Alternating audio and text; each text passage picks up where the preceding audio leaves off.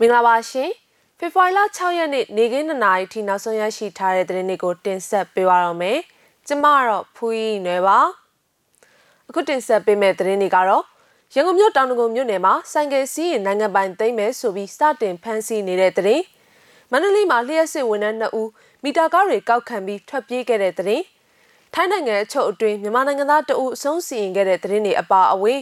ဆီယနာရှင်စန့်ကျင်ဆန္ဒပြသူတွေကြုံရတဲ့စိန်ခေါ်မှုနဲ့ ဆန္ဒပြတပိတ်ဖြစ်လာဖို့ဘလောက်ထိအရေးအနည်းကြီးမှတယ်လဲဆိုတာနဲ့ပတ်သက်ပြီးမေးမြန်းသွားဖို့ရန်ကုန်မြို့ကတပိတ်ဥဆောင်သူတအုပ်ကိုလည်းဖိတ်ကြားထားပါတယ်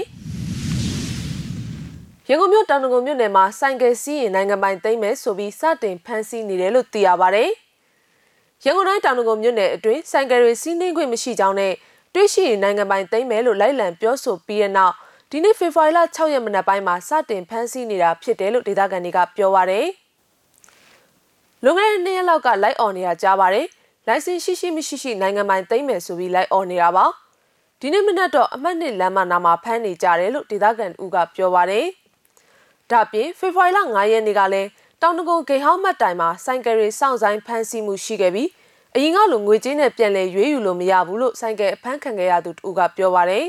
။ရဲရောစစ်သားရောမော်တော်ပီကယ်ရောပဲစောင့်ပြီးဖမ်းတာပါ။ မောင်းပြင်းကြစ်တက်မဲ့အနေအထားနဲ့တနက်တွေချိန်ထားတာမို့ဆိုင်ကယ်ပေးလိုက်ရတာလို့သူကပြောပါတယ်။မန္တလေးမြို့အောင်မြေသာဆန်မြို့နယ်မှာမီတာစီးနှစ်ဦးကမီတာကားတွေလိုက်လံကောက်ခံပြီးထွက်ပြေးတိမ်းရှောင်သွားတာကြောင့်မီတာကပေးဆောင်ခဲ့ရသူတွေအခက်အခဲဖြစ်နေတယ်လို့သိရပါတယ်။မီတာကဆောင်ရသားနဲ့မီလာဖြတ်ခံရလို့ရုံးတော့မေတော့ခမားတို့မီတာကပေးလိုက်တဲ့လူနှစ်ယောက်ထွက်ပြေးနေတယ်ကိုကိစ္စကိုရှင်းကြရုံးဘက်ကတော့အမှုဖွင့်ထားတယ်လို့ပဲပြန်ပြောပါတယ် အရင်မီတာကစောင့်ထားတာတွေကဒီနှကောင်ကငွေမသွင်းသွားတဲ့အတွက်အကျုံးဝင်မှုဆိုပြီးပြောပါတယ်လို့နေလျက်စစ်မီအဖြတ်ခံရသူတို့ကပြောပါတယ်ထွက်ပြေးသွားသူနှစ်ဦးဟာမန္တလေးလျက်စစ်တာပေကော်ပိုရေးရှင်းအောင်မြေတာဆန်မြို့နယ်လျက်စစ်မန်နေဂျာရုံးမှာမီတာစီးတာဝန်ထမ်းဆောင်နေသူနှစ်ဦးဖြစ်ပြီးတဦးဟာရဲမိသားစုဝင်ဖြစ်တယ်လို့လျက်စစ်ရုံးနဲ့နီးစပ်သူကပြောပါတယ်။မီတာလာကောက်တဲ့နှစ်ယောက်ထဲကတယောက်ကရဲစခန်းထဲနေတာပါအမှတ်နှစ်ကပါကျွန်တော်တို့ကပြဿနာတွေဖြစ်နေချင်း မီတာယုံလဲကိုယ်တိုင်မသွားရတော့မီတာကလာကောက်တဲ့စီးရင်နဲ့ပေးမိတာပါနှစ်ယောက်စလုံးကမီတာယုံကဆိုတာလဲသိနေတော့ပေးမိတာပါအခုအဲ့ဒီနှစ်ယောက်ကထွက်ပြေးလို့အမှုဖွင့်ထားတယ်လို့ပဲယုံကပြောတယ်လို့မီတာကပေးဆောင်ခဲ့သူတူကပြောပါတယ်အမီတာဆန်မြို့နယ်လျှက်စစ်မန်နေဂျာယုံကမီတာစီးနှစ်ဦးဖြစ်တဲ့ဥပုဒ္တော်ရက်ကွက်အမှတ်1နယ်မြေရဲစခန်းနေဦးအောင်မြတ်မိုးနဲ့အကွက်25ဥပုဒ္တော်ရက်ကွက်နေဦးရဲရင်ကျော်ဆိုသူတို့ကိုတာဝန်ကရက်စဲပြီးရဲစခန်းမှာအမှုဖွင့်ထားတယ်လို့စုံစမ်းသိရှိရပါတယ်။ ထိုင်းနိုင်ငံစမုတ်ပရာကန်ခရိုင်ဖပရတဲမြို့နယ်ရှိအချုပ်ခန်းအတွင်းမူရစေဝါတွေလက်ဝယ်တွေ့ရှိမှုနဲ့ဖမ်းဆီးခံထားရတဲ့အသက်35နှစ်အရွယ်မြန်မာနိုင်ငံသားတဦးဟာဖေဖော်ဝါရီလ6ရက်နေ့မနက်3နာရီခွဲမှာမိမိကိုယ်ကိုအဆုံးစီရင်သွားတယ်လို့ထိုင်းသတင်းတွေကဖော်ပြပါဗျ။အဲ့ဒီမြန်မာနိုင်ငံသားဟာမူရစေဝါမှုနဲ့တရားမဝင်နေထိုင်မှုစတဲ့အမှုတွေနဲ့2021ခုနှစ်နိုဝင်ဘာလကဖမ်းဆီးခံခဲ့ရသူဖြစ်တယ်လို့ထိုင်းသတင်းတွေမှာဖော်ပြပါဗျ။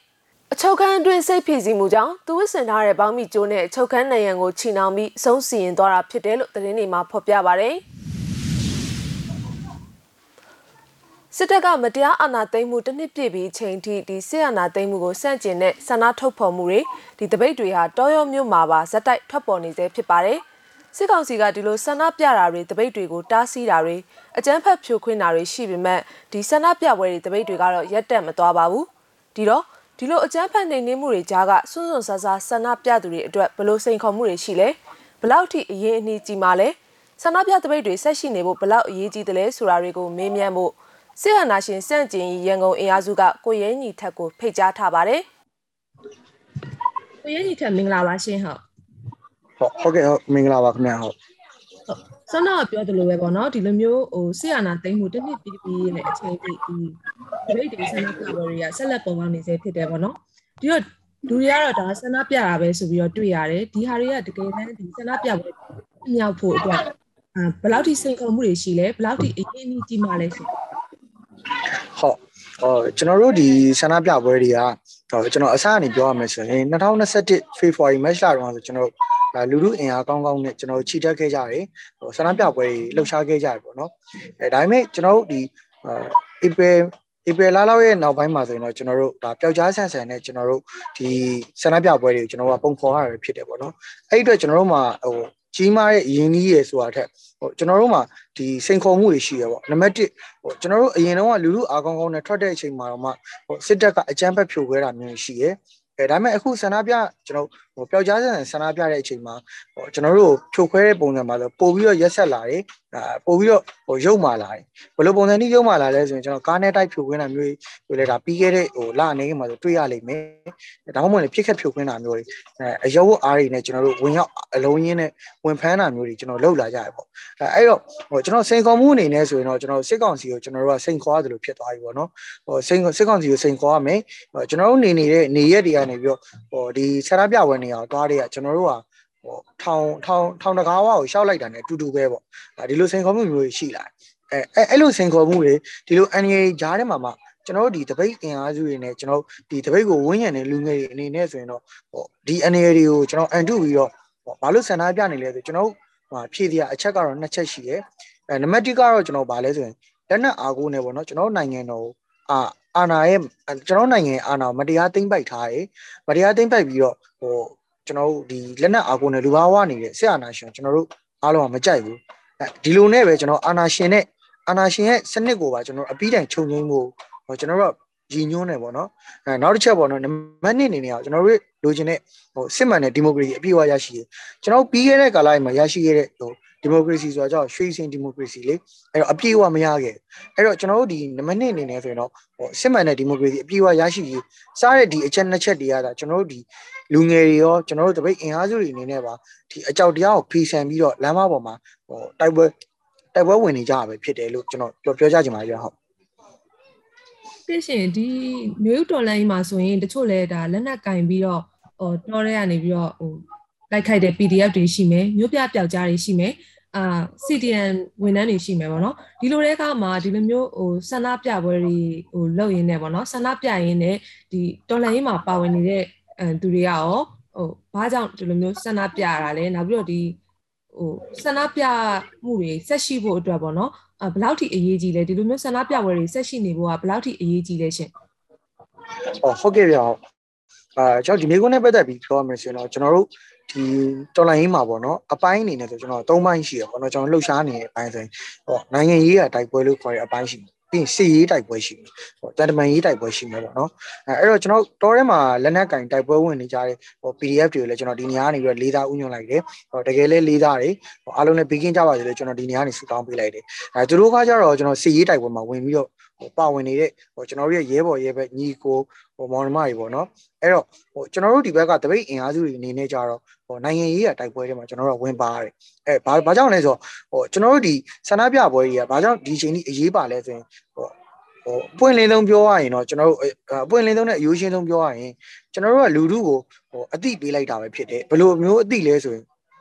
ကျွန်တော်တို့တွေအကုန်လုံးဟာစစ်အာဏာရှင်အုပ်ချုပ်မှုရန်တရားအောက်မှာရှိနေသေးပါလေဆိုရင်အတိတရားကိုကျွန်တော်တို့ကပေးလိုက်တာပဲဖြစ်တယ်နောက်တစ်ခုကကြတော့ကျွန်တော်တို့ကဟိုဘယ်လိုပုံစံထပ်ပြီးတော့ပုံပေါ်လဲဆိုလူထုသွေးမအေးဖို့ကျွန်တော်တို့ကကြီးညွှန်းတယ်အဲဒီညွှန်းချက်တွေနဲ့ကျွန်တော်တို့ကထွက်လာတယ်အဲထွက်လာပြီးတော့ဟိုဒါဒါကျွန်တော်ဟိုအားလုံးရဲ့ဒါအမြင်မှာရိုးရှောင်းကျွန်တော်ဒီဒီချက်နှစ်ချက်ကိုပြောပြလိုက်တာပေါ့နောက်တစ်ခုအနေနဲ့ကြည့်မယ်ဆိုကျွန်တော်နိုင်ငံရေးအတိုက်ပွဲအနေနဲ့ကြည့်မယ်ဆိုကျွန်တော်တို့ဒီစန္ဒပြပွဲတွေရဲ့အဲလှုပ်ရှားမှုပုံရိပ်တွေကဟို စစ်ကောင်စီတော့ကတော့အိမ်မက်ဆိုးတစ်ခုပေါ့ဗျာ။ဘာကြောင့်လဲဆိုတော့ဒါကိုသူကိုယ်တိုင်နဲ့မြင်ဝါထင်နေမြင်တွေ့နေရတယ်။သူ့ရဲ့ဒီသူ့ရဲ့ social media တွေမှာလည်းသူမြင်ရမယ်။အဲနောက်တစ်ခုသူတို့ဟိုကျွန်တော်တို့ကဒီလိုဆန္ဒပြပွဲတွေထွက်လာတာဖြစ်တဲ့အတွက်အုတ်ချုပ်ရန်တရားပိုင်းမှာဆိုလေဟိုသူတို့ဘက်ကကောင်းကောင်းဟို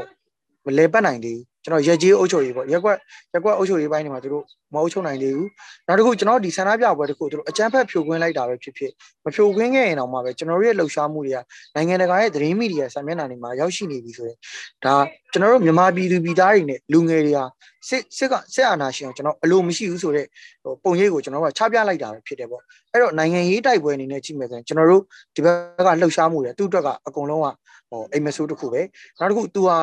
မကောင်းတဲ့လူတယောက် ဟိုကျွန်တော်တို့နိုင်ငံအတွက်ရှုံးမာတဲ့လူတယောက်ဟိုဆိုတာကျွန်တော်တို့ကကောင်းကောင်းမွန်မွန်ချပြခဲ့တာပဲဖြစ်တယ်ပေါ့အဲအဲ့တော့ကျွန်တော်တို့ဒီဆန္ဒပြပွဲတွေကဟိုနိုင်ငံရေးရဲ့အခန်းကဏ္ဍအတီးတီးမှာတော့ဟိုအရေးပါတဲ့အခန်းကဏ္ဍတစ်ခုမှာပါဝင်မယ်လို့ဟိုကျွန်တော်တို့ကယုံကြည်ရဲဒါကြောင့်မို့လို့လဲကျွန်တော်ယနေ့ချိန်ဒီဟိုပျောက်ကြားတပိတ်တွေကိုကျွန်တော်ဟို